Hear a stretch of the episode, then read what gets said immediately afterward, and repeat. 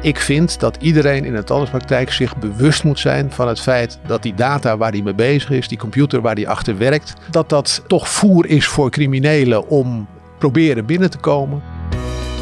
Je luistert naar Mondzaken, de podcast van Dental Tribune Nederland.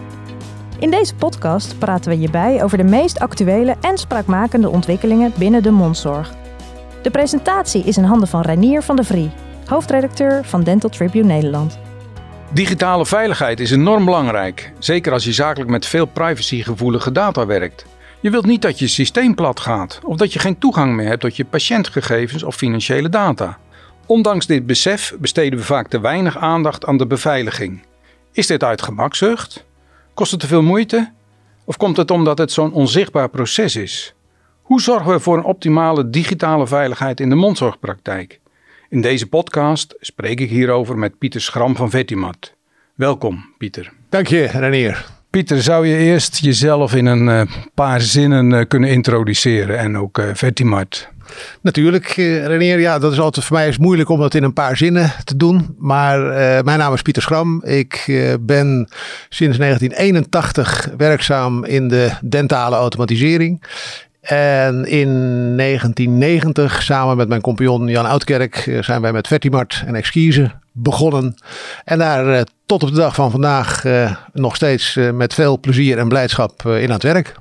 En wat is de kern van Vertimart? Wat doen jullie met Vertimart? Vertimart is de maker, leverancier en ondersteuner van het pakket Exquise. Het programma wat de tandarts gebruikt voor zijn praktijk en mondhygiënist geloof ik Mondhygiënisten ook, ook kaakchirurgen, orthodontisten. Maar dus eigenlijk alle praktijken in de mondzorg kunnen van onze programmatuur gebruik maken. Ja, dus jullie werken eigenlijk alleen voor uh, de mondzorg? Ja, we hebben ons altijd puur gefocust op de mondzorg. Uh, omdat we A, dat altijd een hele leuke markt hebben gevonden. Uh, en B, omdat wij denken dat het goed is als je niet alleen je eigen product goed kent. Maar ook de markt waarin je bezig bent. En als je dat te veel op verschillende markten gaat doen, ja, dan raak je de focus kwijt. Nou, iedereen kan zich natuurlijk iets bij uh, digitale veiligheid uh, voorstellen. Maar jij kunt misschien zeggen wat het precies inhoudt. Het is natuurlijk een heel, heel breed uh, scala. Het is dataveiligheid. Dat is iets wat eigenlijk ja, al van voor de computer is, zeg maar. Het is in 2018 natuurlijk enorm in de belangstelling komen te staan door de invoering van de AVG. Waar, wat ja, een stukje van dataveiligheid is. Uh, maar daarvoor was het al van belang. We kennen in Nederland zelfs een uh, specifieke NEN-norm op het gebied van, uh, van dataveiligheid in de zorg. Dat is de NEN 7510. Nou, die bestaat al uh, heel veel jaar. Die is ook al een aantal keren herzien. en dat is waar in ieder geval onze klant dagelijks, dagelijks mee te maken heeft. En ja, dataveiligheid is eigenlijk, ja, het woord zegt het al, het de, zorgen dat de data, de gegevens waar je mee omgaat, veilig zijn. Uh, en dat betekent dat ze, uh, ja, je moet zorgen dat ze altijd beschikbaar zijn. Dus dat je altijd, hè, zeker vroeger was, uh, speelde dat heel erg mee, een goede backup hebt. je moet kunnen garanderen dat de data, zoals het zo mooi heet, integer is. Hè, dus dat je niet, bij wijze van spreken, de, de van Tandarts Jansen op het scherm krijgt als je praat over Tandarts Pietersen. Dus die data-integriteit is, is van belang. En natuurlijk is het ook van belang dat je zorgt dat gegevens die eh, zeker daar waar het privacygevoelig is, uh, niet in verkeerde handen terechtkomen. En specifiek voor uh, de mondzorgpraktijk, wat, wat betekent uh, digitale veiligheid uh, dan? en nou waarom ja, is het zo belangrijk? nou, het is, het is belangrijk natuurlijk die, die, die data-integriteit. Dus dat je de goede gegevens hebt en dat ze beschikbaar zijn. Dat is natuurlijk voor alles en iedereen van belang. privacygevoelig is van belang omdat we praten toch over medische gegevens. En natuurlijk geldt zeg maar dat voor de, de, de chirurgie of de psychologie geldt dat nog veel meer. En dat is natuurlijk heel vervelend als mensen daar uh, in gaan zitten te grutten. Uh, of informatie krijgen die ze niet, uh, waar ze geen recht op hebben, zeg maar.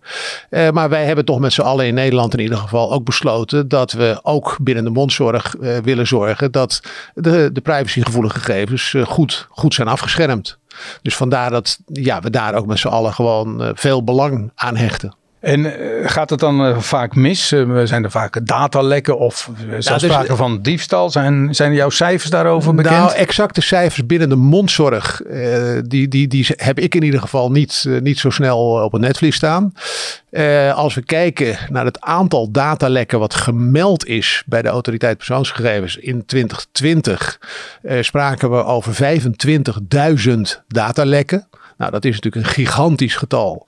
Aan de andere kant kan je ook zeggen, ja, eh, hoe, hoe groot is dat nou? Hè? Want ja, uh, wanneer is iets een datalek? En we praten hier uh, over gemelde datalekken bij de autoriteit persoonsgegevens. Dat wil helemaal niet zeggen dat de AP het ook daadwerkelijk ziet uh, als datalek.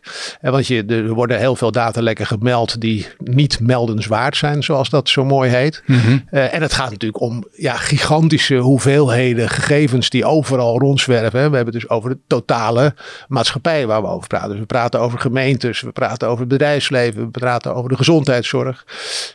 dus ik denk dat als je dat terugrekent, dan is, valt het in de mondzorg zeker best wel mee. Wat we wel zien, uh, en dat is uh, eh, 2020 werd dat al wel ietsje minder. Uh, maar in 2019 zag je een enorme vlucht van problemen met zogenaamde ransomware, hè, gijzelsoftware. Mm -hmm. Dat dus heel veel van onze klanten op een gegeven moment allerlei enge meldingen op hun scherm kregen. dat ze zoveel bitcoin moesten betalen om weer bij hun gegevens te kunnen. Dus dat, ja, daar, daar, dat, dat gebeurde toen al veel. Uh, je kunt je afvragen of wat de risico's zijn. Als je een hele goede backup uh, hebt, de kans dat derden iets nuttigs met die data gaan doen, ja, die kans is natuurlijk niet zo groot. Alleen hij is er wel. En uh, ik weet wel dat uh, een van de redenen dat ik uh, me hierin ben gaan verdiepen is dat ik ooit een boekje las van een journaliste die ja, ook enorm aan het kijken was. Ja, wat betekent dat nou, hè, die dataveiligheid? En die heeft toen het zo opgezet dat zij heeft zichzelf laten hacken. En dat vond ze heel eng, want ja, dan weet je natuurlijk niet wat er met de data gebeurt. Nee. Uh, maar zij heeft in haar onderzoek naar dit uh, verhaal ook ontdekt dat er bijvoorbeeld mensen waren die uh, eh, 500 auto's op hun naam hadden staan zonder het te weten. En daar was dus de criminaliteit opgedoken. Nou, jij wil natuurlijk niet dat een patiënt waarvan jij de adresgegevens hebt, geboortedatum, BSN-nummer, dat die op een gegeven moment daar de dupe van, van wordt. Dus ook binnen de mondzorg is, hoewel de kans niet groot is, je het risico natuurlijk niet lopen. Ken je de voorbeelden van dat dat gebeurd is uh, in de mondzorg dan? Ja, ik ken gelukkig geen voorbeelden waarin die data daadwerkelijk zijn misbruikt. Uh, ik denk overigens ook dat daar relatief weinig uh, voorbeelden van zijn. Uh, maar we kennen allemaal wel de, de, de verhalen natuurlijk in de pers. Waarin grote bedrijven, uh, ziekenhuizen en dergelijke. daar wel de dupe van worden. En ja, dat daar mensen uiteindelijk uh, ook schade van hebben geleden. Dat kan niet anders. Ja. En natuurlijk uh, focussen we allemaal op voorbeelden waar, hè, waar Barbie, eh, dat, dat blonde meisje op tv, uh, op een gegeven moment ergens in Den Haag in een ziekenhuis lag. En er bleken, ik geloof, 500 medewerkers van het ziekenhuis in haar dossier te hebben gekeken. Ja, dat is natuurlijk een goed verhaal in de pers. Maar hoe schadelijk is dat? En deze dame die vond het heerlijk om op tv alles over zichzelf te vertellen. Dus hoe erg is het dat die gegevens zo blootkomen. Maar wij willen dat natuurlijk niet, dat onszelf dat gebeurt. Nee, want het is een ander verhaal als eh, de gegevens van eh, een koningin of een prinses. Eh, nou ja, of, of, van jou of mij, Renier. Je wilt niet dat mensen zo in, jou, in jouw gegevens... Hè? Ik heb altijd geroepen, jongens, wat maakt dat mij nou uit? Want, maar natuurlijk wil ik niet dat iedereen bij... Al, dan, dan is het alsof ze in je eigen huis rondlopen. Dat wil je ook niet. Nee. Nog even over die ransom uh, software. Of dat uh, bitcoins betalen omdat er gegevens gestolen zijn of zouden zijn. Hoe moet je daar dan mee omgaan? Niet betalen. Nooit? nooit? niet betalen. Oké, wat moet je dan doen? Altijd zorgen dat je een goede backup hebt. voordat je die weer gaat installeren, zorgen dat je systeem goed beveiligd is. En daarna zorgen dat je je backup terug kan lezen. En zorgen dat je in een beter beveiligde omgeving weer door kan werken. Ja, nou, we komen maar ga alsjeblieft niet betalen, want daarmee ja, maak je het interessant om het nog een keer te doen. Hoe is de digitale veiligheid over het algemeen geregeld in een mondzorgpraktijk? Ja, dat is een, uh, een beetje een gewetensvraag. Renier, die Want jullie zijn er verantwoordelijk voor als veterinaars. Uh, of mag je dat niet zo zeggen? Nou, eh, laat ik het zo zeggen. Wij voelen ons voor een deel mede moreel verantwoordelijk. Uh, maar het is natuurlijk uiteindelijk altijd de verantwoordelijkheid van de uh, praktijkhouder. Aan de andere kant, als hij ons vraagt om bijvoorbeeld zijn systeembeheer te doen, ja, dan zijn wij natuurlijk verantwoordelijk dat daar geen mensen binnenkomen. Aan de andere kant, uh, wij kunnen spullen nog zo goed beveiligen. Als uh, een medewerker in de praktijk een phishing mail binnenkrijgt en daar vrolijk op allerlei dingen gaat zitten klikken en informatie teruggeeft aan de hacker. Uh, ja, daar kunnen wij natuurlijk als systeembeheerder op dat moment, of als, als leverancier van de software, daar kunnen wij niks mee. Dus wat heel belangrijk is, is uh, ja, het bewustzijn van het feit dat men in de praktijk met privacygevoelige informatie bezig is. En daar proberen we ook veel op te hameren. want nogmaals, wij voelen ons uiteraard mede verantwoordelijk om onze klant uit te leggen wat hij moet en kan doen. Maar dan eigenlijk nogmaals de vraag, is die verantwoordelijkheid, wordt die voldoende gevoeld? Um, ja, dat zei ik al. uh, ik, ik ben bang dat het, uh, het bewustzijn nog bij te veel mensen ontbreekt. Kanttekening, er zijn ook situaties waarin er overdreven uh, op gereageerd wordt. We moeten alles altijd wel in zijn perspectief blijven zien. Uh, maar ik vind dat iedereen in de tandartspraktijk zich bewust moet zijn van het feit dat die data waar hij mee bezig is, die computer waar hij achter werkt, uh, ja, dat dat, dat toch voer is voor criminelen om proberen binnen te komen. Uh, en dat de gegevens die erin zitten, ja, privacygevoelige informatie is. En dat, we het, dat de, de praktijk het naar de patiënt toe de verantwoordelijkheid heeft om daar netjes mee om te gaan. Ja, en, en, en als er voldoende, onvoldoende aandacht aan besteed wordt, waarom is dat dan? Is dat dan gemakzucht nee, of te lastig? of, eh? nou, het is, het, is, het is voor een deel omdat men het als lastig ervaart. Het is ook heel veel gewoon onwetendheid. Mhm. En uh, daarom uh, vind ik het heel mooi dat jullie uh, aan dit onderwerp aandacht besteden. Want al dit soort dingen kan gewoon helpen om de mensen beter bewust te maken van het feit dat. We hebben gezien bij de invoering van ook weer die AVG in april 2018. dat er een enorme opleving kwam van de belangstelling. En want, oh jee, het was angst. Hè. De, belangstelling ontstond uit angst van straks krijg ik een boete, want ik heb iets verkeerd gedaan. Nou, die angst is weggeëpt, want het blijkt dat dat boetebeleid wel meevalt. Uh, en je ziet dat daardoor, en dat is wel een klein beetje wat jij ook aangeeft, ja, laksheid, om het voorzichtig uit te drukken, dat mensen zeggen, nou ja, laat maar lopen. En dat, ja, het blijft van belang dat. Ik denk dat er nog steeds te weinig bewust aandacht aan wordt gegeven. Ja, en als je zegt onwetendheid, waar uh, ontbreekt het dan kennis? Aan welke kennis ontbreekt het dan eigenlijk? Uh, nou, het, uh, het ontbreekt aan bewustzijn dat men dit soort gegevens in handen heeft. Uh, en ik, ik vind, je, je kan niet, uh, net zoals je van jou en mij kan verwachten, dat wij een, een fantastisch slot uh, in onze deur kunnen bouwen die voldoet aan alle eisen en dingen die er zijn. Sommigen onder ons kunnen dat, maar de meeste normale mensen kunnen dat niet. Die huren daar een bedrijf voor in wat zorgt dat hun pand goed beveiligd is. Nou, zo denk ik dat je ook met dataveiligheid om kan gaan. Huur iemand in, ook weer kom ik misschien straks nog wel even op terug. Maar huur een, een, een, een, een betrouwbare partner in om je daarbij te assisteren om eraan te voldoen. Overigens, net als bij die deur, je kan nog zo'n fantastisch bedrijf inhuren om eh, die deur veilig te maken. Als jij de sleutels erin laat zitten, dan kan iedereen toch naar binnen. Dus het is kennis van buiten, die kan je binnenhalen. Maar het is ook weer, het is bewustzijn van de medewerkers in de praktijk dat ze netjes omgaan met die gegevens en dat ze zich dus aan de afspraken houden. Ja, ja. Kan het ook zijn dat uh, mensen misschien ook wat, wel wat, ja, soms wat laks of wat slordig misschien mee omgaan. Dat ze denken van, ja, als ze willen komen ze toch wel binnen. Hè? Je, hoort toch natuurlijk van die grote verhalen van, uh, nou ja, over uh, Chinese en Russische spionage. En dan denk je, nou, iedereen weet toch alles al van mij in het Verre Oosten. Ja, van mij en van jou, dat is onze eigen verantwoordelijkheid. Maar we hebben ook een verantwoordelijkheid naar anderen toe. Onze patiënten die vinden het, net zoals jij en ik het belangrijk vinden, dat er netjes met onze data wordt omgegaan, vinden onze patiënten dat natuurlijk ook. En daar hebben ze ook recht op dat we dat doen. Ja. ja. Dus ik vind die laksheid is absoluut niet terecht. Wat zijn nou de, de valkuilen of de meest gemaakte fouten als het over digitale veiligheid gaat in de mondzorgpraktijk? Nou ja, eigenlijk, eigenlijk kom ik dan toch weer. Het lijkt een beetje een, een, een herhaling van het liedje, maar dat is dat men te weinig uh, bewust is van het feit. En dat men dus heel vaak ook weer in analogie met die voordeur, de sleutel erin laat zitten. Hè. Uh, wij, wij adviseren mensen, joh, op het moment dat je vanaf je werkplek wegloopt, sluit even je systeem af. Er, zijn, er zijn toetscombinaties voor binnen Windows zelfs waar je dat mee kan, maar er zijn allerlei ook andere oplossingen voor.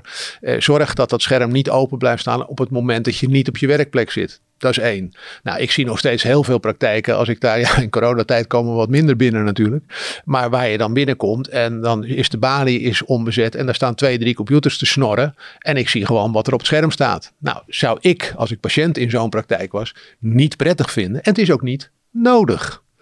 Uh, dat is één. Een ander is, uh, wat je nog steeds te veel ziet, is dat mensen krijgen uh, rare e-mailberichten binnen. En denken dan niet van of ja, of ze, waarom ze dat niet denken, maar van hé, hey, wat raar dit mailtje. Maar die gaan dus leuk lopen klikken. Nou ja, als dat phishing mail is, hè, waar dus links achter zitten, die zorgen dat er allerlei rare software op jouw systeem geïnstalleerd wordt, ja, dan heb, heb, zijn de rapen natuurlijk ook heel snel gaar. Dus dat is ook gewoon, wees je bewust van wat je aan het doen bent. Ken je voorbeelden waar het echt mis is gegaan in de mondzorgpraktijk? Nou ja, wij, wij, wij hebben uh, echt praktijken gehad waar uh, van die ransomware aanvallen zijn geweest. Dus waar men daadwerkelijk in die mails lekker heeft zitten rondklikken. Maar op een gegeven moment een melding op het scherm kwam van joh, zorg eens eventjes dat ik uh, bitcoins uh, van je krijg. En nou, dan bellen ze natuurlijk in paniek, bellen ze ons op. Dan is vraag 1 bij ons, joh, waar is je backup? ja, en dan? Dan blijkt men geen. En dat, dat, vind, ik, dat vind ik nog steeds onvoorstelbaar. Uh, in die uh, ruim, nou ja, bijna 40 jaar dat ik in het vak zit, uh, heb ik in die 40 jaar als een soort Don Quixote altijd lopen roepen in alle nieuwsbrieven, et cetera. Jongens, denk aan een goede backup. En ik zie nog steeds dat er praktijken zijn waar het backup beleid gewoon niet aanwezig is. En heb je een idee van, uh, van cijfers? In hoeveel praktijken of in hoeveel, welk percentage dat niet goed is? Gelukkig is dat percentage is sowieso teruggelopen. Omdat we natuurlijk heel veel tegenwoordig automatisch backups uh, in cloudomgevingen maken. Of men in een cloudomgeving werkt. En dan, ja, dan is het maken van de backup aan de cloudleverancier. Dus dan heb je zelf die verantwoordelijkheid en die inspanning hoef je ook niet meer te doen. Uh, dus, dus daarin is het al enorm teruggelopen. Maar ik, ik durf te zeggen dat als ik nu al mijn klanten zou checken uh, op uh, of er een, een, een, goede backup is bij die klanten die dus niet van die automatische backup gebruik maken of in de cloud werken, dat daar zeker nog een procent of vijf geen of een slechte backup heeft. En is het een uh, bepaald soort praktijken waar het minder goed geregeld is? Of ligt het aan dat een praktijkorganisatie? Dat zou je denken. Je denkt vaak van nou grotere praktijken hebben zaken altijd beter op orde. Maar ik zie ook bij grote praktijken waar misschien ja, men ook weer zich wat, wat meer afsta afstaat van, van, van het belang van dit soort zaken. Uh, dus daar zie ik het helaas ook nog. Ik denk wel dat in de uh, ja, wij noemen dat wel eens oneerbiedig de papa-mama praktijk. Dus de kleinere praktijk waar uh, de praktijkhouder zelf voor alles al verantwoordelijkheid is. Dus het is dan ook weer begrijpelijk dat het daar ja, toch een beetje in het verdomhoekje komt te zitten. Dat het daar wel vaker zal zijn. Maar het komt ook in praktijken door waar je het niet zou verwachten. Is het dan verstandig om één iemand daar uh, verantwoordelijk voor te maken? Voor de, de ja. voor uh, de automatisering of digitale nou, veiligheid? Het, ja, of, precies. Ik, ik denk dat je, je hoeft niet iemand die al die verantwoordelijkheden te geven. maar het is heel eenvoudig om inderdaad één iemand in de praktijk. En die hoeft niet alles te doen. Maar die gewoon zorgt van, nou ja, die, die in ieder geval checkt of alle afspraken die er gemaakt zijn binnen de praktijk op dit gebied, of die daadwerkelijk uitgevoerd worden. En ook weer, eh, natuurlijk is het het mooiste als je altijd 24 uur per dag alles goed op orde hebt. Uh, maar als we op een gegeven moment in een praktijk zit en je zegt, joh luister, ik, ik check eens in de week of alles goed is, ja, dan, dan zit je prima op orde. En ja, dat is heel simpel, heel menselijk. Leg dat niet bij vijf verschillende mensen neer, die verantwoordelijkheid. Want daar waar meer dan één iemand verantwoordelijk is, is ineens niemand meer verantwoordelijk. Dat is een heel gek proces, maar zo, zo, zo zitten wij mensen in elkaar. Ja, zo gebeurt Dus, dat gewoon. ja, dus maak één iemand verantwoordelijk en zorg inderdaad dat als die er niet is, ja, dat hij dan wel een backup heeft. Ja. In een mens. En, en wat zijn dan eh, ja, minimum aan maatregelen wat je moet doen? Is, is dat te zeggen? Eigenlijk eh, zijn er eh, twee zaken eh, die, die van belang zijn. Dat is één, het zorgen dat dingen niet misgaan. En twee, als het dan toch misgaat, dat je een goede, goed terug kan vallen op iets. Nou, dat is, dan kom ik weer op het maken van die, van die backup. Eh, en die eerste, zorgen dat er niks fout gaat. Dan kom ik eigenlijk ook weer terug op het stokpaardje van eh, het bewustzijn. Dus eh, zorg dat eh, je mensen in de praktijk bewust zijn dat ze met gevoelige informatie omgaan. En maak ze ook bewust dat ze niet. eh, als ze ehm, een, een, een USB-stickje hebben, dat hubs inlezen zonder dat ze weten waar het vandaan komt of dat soort zaken. Als ze een e-mail binnenkrijgen die ze niet vertrouwen, laat even iemand anders over je schouder meekijken. Van, joh, wat denk jij hiervan? En als je het niet vertrouwt en je denkt, wat zou dit zijn? Het is van iemand die je kent, bel hem op. Bel even op, heb jij mij een mailtje gestuurd? En als het iemand is die je niet kent en er staat een telefoonnummer in, bel hem op. En als je het niet vertrouwt en je weet niet bij wie het vandaan komt en denkt, wat nu? Doe dan helemaal niks met dat mailtje, gooi het weg. Maar dat is misschien ook wel een indicatie hoe eh, een mail ondertekend wordt of welk eh, mailadres erbij eh, staat. Nou, dat Of- is natuurlijk dat is het lastige. Eh, de criminelen die zijn eh, behoorlijk in staat. eh, eh, vroeger, als je dan een mailtje kreeg, dan kreeg je een mailtje van een, eh, een, eh, een, koning uit eh, Nigeria. eh, die jou eh, toch wel 60 miljoen eh, naira eh, toezegde. nou, dat wisten we allemaal, want dat, zegt, dat kwam dan ook nog in krom, eh, krom Nederlands of krom Engels naar je toe. Eh, daar zijn de criminelen een stuk beter in geworden. Dat zij, eh, Google Translate is al een stuk beter geworden. Dus je krijgt keurige Nederlandstalige mailtjes met keurig het logo van de ASM-bank erboven. Nou ja, you, name it. Dus het, het, het mailtje ziet er netjes uit, is geen garantie meer dat het goed is. Eh, het afkomstig zijn van een eh, betrouwbaar e-mailadres. Ja, men kan zich aardig verschuilen. Ik ga niet in op alle techniek die daarachter zit, maar men kan zich aardig verschuilen. Ehm, dus eh, ja, het, het, zijn, het zijn fijnmazige dingen waar je, waar je op moet letten. Daarom wordt het ook steeds moeilijker, dat besef ik me ook wel. Eh, maar eh, ja, eh, hele, hele eenvoudige dingen. Als het, als het e-mailadres iets is wat je nog nooit eerder gezien hebt. en het komt wel bij de Ziggo vandaan. En wat is dan een raar e-mailadres? Ja, dan zou ik zeggen: ik bel toch even met Ziggo. Van, jongens, hebben jullie zo'n mailtje verstuurd? Of ik kijk eventjes op, via Google. of eh, dit soort mailtjes misschien wel onbetrouwbaar kunnen zijn. Want dat soort informatie is relatief makkelijk terug te vinden. Je kunt ook eh, heel makkelijk, eh, geloof ik, eh, telefoonnummers checken. Hè? Van even intikken en dan kijken of dat betrouwbaar nummer is. Ja, dat, dat, dan gaat het over telefoonnummers. Hè. Wie heeft mij gebeld is dan zo'n zo, zo, zo'n website. Dus daar, daar kan je veel uithalen. Aan de andere kant, ja, dan, dat is een telefoonnummer. En, en ik denk dat je vooral, waar het eigenlijk wat het allerbelangrijkste is, als je een mailtje een beetje wantrouwt, klik er niet op. Oké. En er zijn ook mensen die denken, nou weet je wat, dan doe ik het wel op mijn telefoon. Doe dat ook niet. Want wat er, hoe ze dat doen, nogmaals, ik ga niet in op de techniek. Maar het kan heel goed zijn dat er dan een ander mailtje geïnfecteerd wordt wat jij, waar jij weer op gaat antwoorden. Waardoor ze toch weer via de achterdeur ook in je netwerk binnen kunnen komen. Maar mailtjes zijn wel eh, het meest gevaarlijk dan. Of daar komt het meeste gevaar uit Daar voort. komt het meeste, meeste rotzooi op binnen. Ja. Ja, ja, ja, ja. Kun je alles in de praktijk zelf doen wat digitale veiligheid eh, betreft? Of kun je daar maar goed eh, professionele ondersteuning v- voor inhuren? En wanneer zou je dat wel doen, wanneer niet? Eh, Nou ja, ik, ik zou in de basis eh zorg dat je systeembeheer op orde is. Eigenlijk heel simpel. Ehm, zorg dat je goede antivirussoftware hebt. Zorg dat je Windows-installatie, want we werken tegenwoordig allemaal met Windows, dat die up-to-date is. Daar zitten ook, eh, Windows heeft een, eh, of Microsoft heeft een automatische update-procedure. Je ziet bij heel veel praktijken die staat uit. Denk, waar, waarom staat die uit? Ja, het gebeurt wel eens dat Microsoft een update eh, uitzet, waardoor er sommige dingen eh, misgaan. Ja, dat, dat kan gebeuren.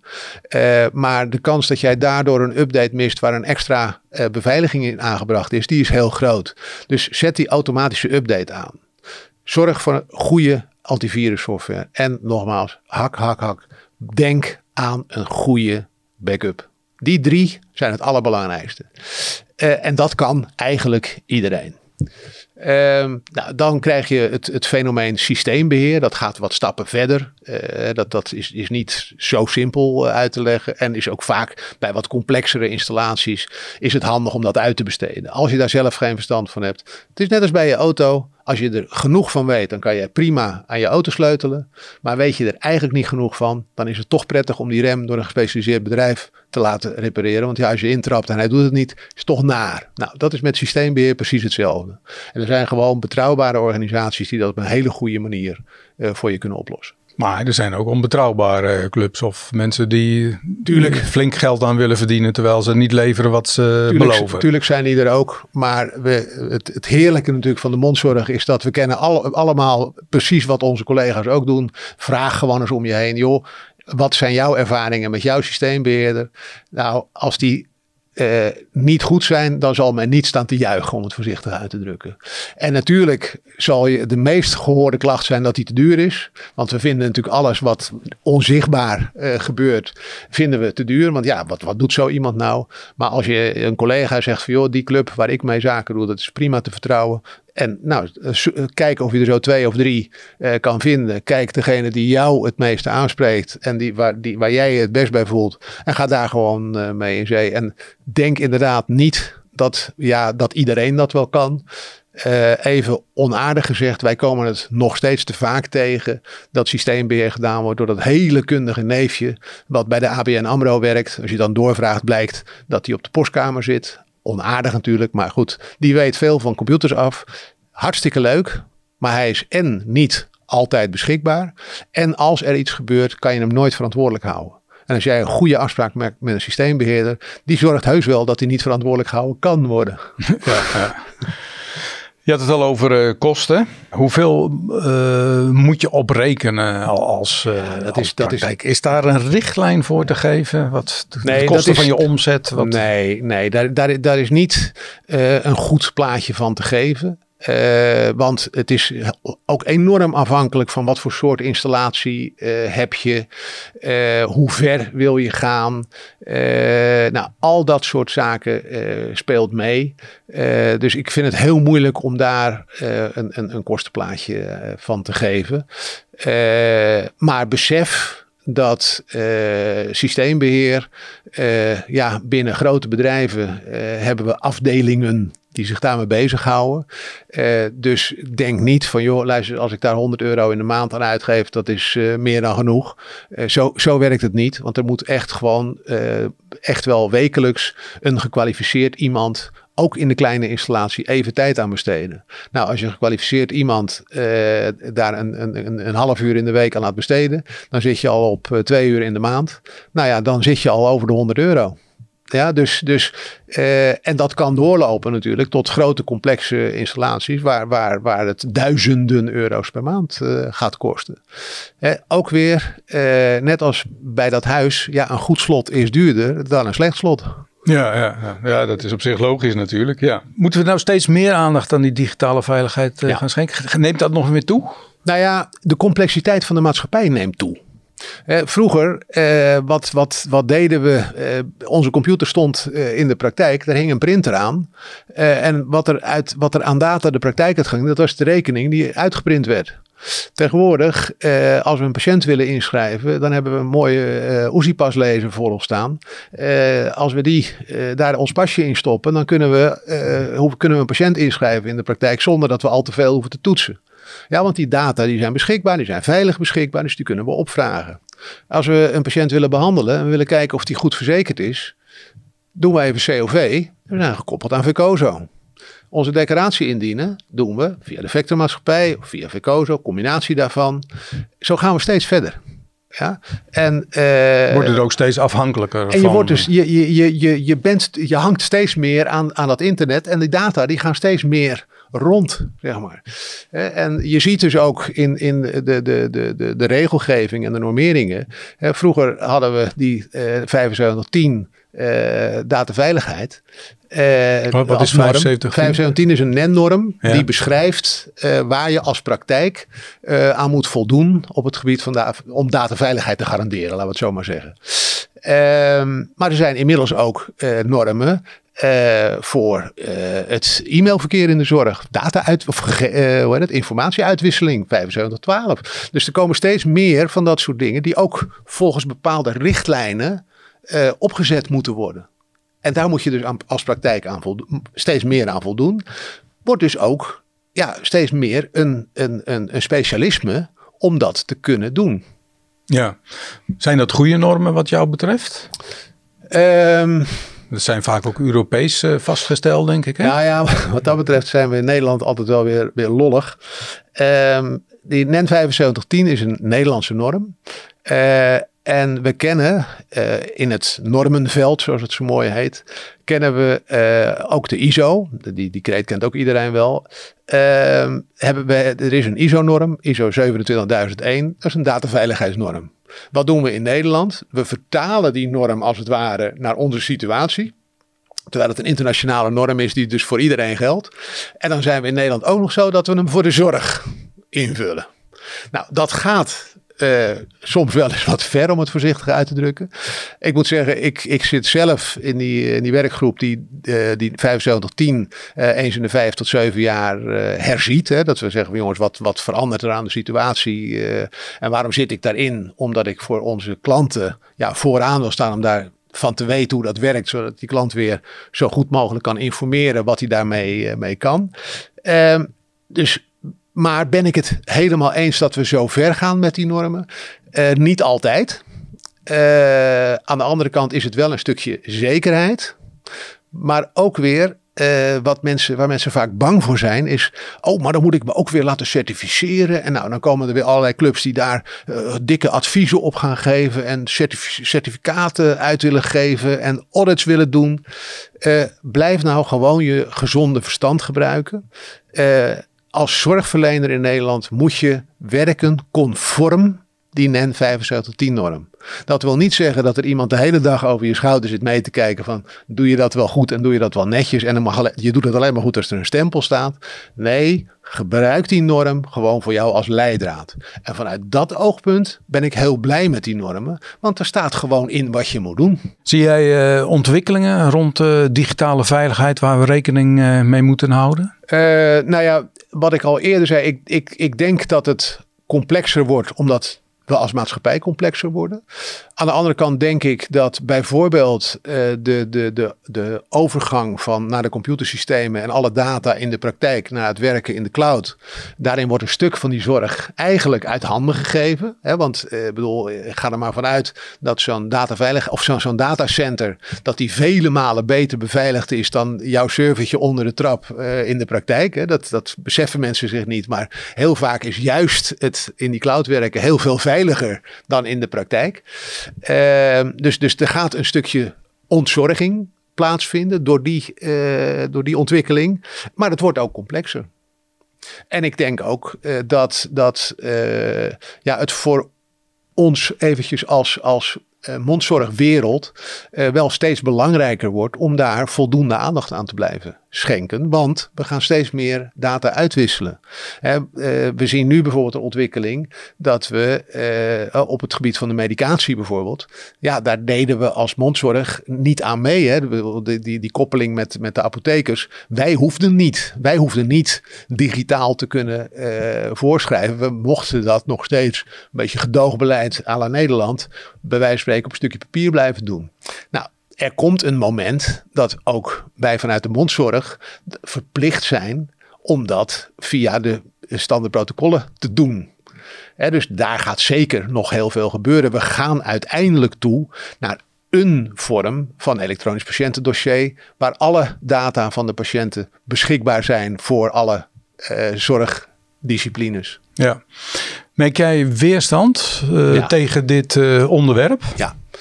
En, en hoe verklaar je die weerstand? Want het zou toch juist prettig moeten zijn. hey, het is wel allemaal weer goed en het is allemaal veilig. Ik kan nu prettig en rustig werken. Ja, het, als, men, als men dat zo ook zou ervaren, zou dat een, een soort ideale wereld zijn. We hebben natuurlijk eh, de afgelopen jaren eh, ook in de mondzorg, maar eigenlijk in de hele zorg, zijn we natuurlijk murf geslagen met allemaal uh, nieuwe regels, nieuwe voorschriften. Uh, en we worden dus een beetje regelmoe. Het is niet voor niks dat een, een club als de VVA uh, die, die ontregelde zorgactie heeft opgestart. Heel begrijpelijk en ik denk ook op een heleboel fronten helemaal terecht. aan de andere kant denk ik dat data en zeker privacygevoelige data, ja, daar moeten we gewoon netjes en goed mee omgaan. Dus we moeten dat eigenlijk scheiden van uh, de regelgeving die, uh, die uh, zorgmedewerker verplicht om elke stukje toiletpapier wat hij gebruikt om een, een, een kruimeltje van een tafel af te vegen, moet verantwoorden. Daar zullen we een scheiding in moeten maken. We zullen uiteindelijk er naartoe moeten dat we gaan ja, uh, het, het zover kunnen krijgen dat we zien wat is nodig en behulpzaam om goede zorg te verlenen. En wel, welke regels en, en, en voorschriften moeten we heel hard de deur uit schoppen om te zorgen dat we goede en efficiënte zorg kunnen leveren. Vind jij het zelf een leuk onderwerp? Ik uh, eigenlijk niet. Want eigenlijk, eigenlijk uh, zou, zou hè, hoe mooi zou het zijn. Maar misschien is dat een beetje. Ik, ik ben een, een, een 60 jaren kind. Dus dat ik nog een klein beetje dat, dat, dat anti-regel in me heb. aan de andere kant vind ik het. als je het zeg maar vanaf de goede kant bekijkt. Dus het niet als last ziet, maar als een feit dat we nou eenmaal uh, een complexere maatschappij hebben met alle voordelen die daar ook in zitten. denk ja, dit is een gevolg daarvan. En zorg dan dat je het zo leuk en zo goed mogelijk maakt. En mijn passie, dat geef ik eerlijk toe, zit er een beetje in om dit voor mensen begrijpelijk te maken, te vertalen naar uh, ja, uh, hanteerbare oplossingen en niet uh, met vanuit angst mensen naar, in, in de armen van allerlei dure adviseurs met, met sterren om zich heen en noem maar op. Want zover moet het vooral niet komen. En dat is wel een angst die ik een beetje zie. En daar zal ik me ook tegen blijven verzetten. En het is tenslotte ook in het voordeel van de patiënt uiteindelijk. Want die dienstgegevens bescherm je en die situatie. Ja, dienstgegevens beschermen we. Uh, en als wij zorgen dat we dat op een nette en efficiënte manier doen, hebben we ruim de tijd om die efficiënte zorg uh, te blijven verlenen. En uh, als wij dat allemaal netjes blijven doen, dan zorgen we dat we ook altijd op de juiste momenten de juiste informatie van de patiënt beschikbaar hebben om die zorg te kunnen verlenen. Ja. Heb je, je hebt al een aantal tips en aanbevelingen gegeven, maar kun je tenslotte nog vijf uh, belangrijke tips uh, geven? Uh, dat, ja, vijf belangrijke tips is primair blijft zorg dat alle medewerkers in de praktijk bewust zijn van waar ze mee bezig zijn. Ja, dus bij wijze van spreken, eh, zorg dat je eh, iedere maand tijdens de werkbespreking even aandacht besteedt aan dataveiligheid. En geef diegene die toevallig in die maand net eventjes iets extra's heeft gedaan aan zijn pluim. En zeg tegen degene die een keer een steek heeft laten vallen, joh, probeer dat de volgende maand even te verbeteren. Dus het bewustzijn van de medewerkers is een hele belangrijke. Uh, twee, zorg dat je systeem gewoon voldoet aan uh, dat, het, dat alle updates en dergelijke goed geïnstalleerd zijn. Uh, en dat je, hoe heet het, je, je antivirusprogrammatuur up-to-date is. Dat soort zaken. Zorg dat dat goed op orde is. Komt hij weer backup? Zorg alsjeblieft voor een goed backup beleid in de praktijk. Ehm, en ja, maak het bespreekbaar in de praktijk. En laat je niet gek maken. Dat is ook een hele belangrijke. Niet gek maken? Nou, door mensen van, oh, je moet er, dat kost goudgeld. Nee, zorg dat het een gewoon proces wordt in je praktijk. Gewoon logisch nadenken, gebruik je boerenverstand.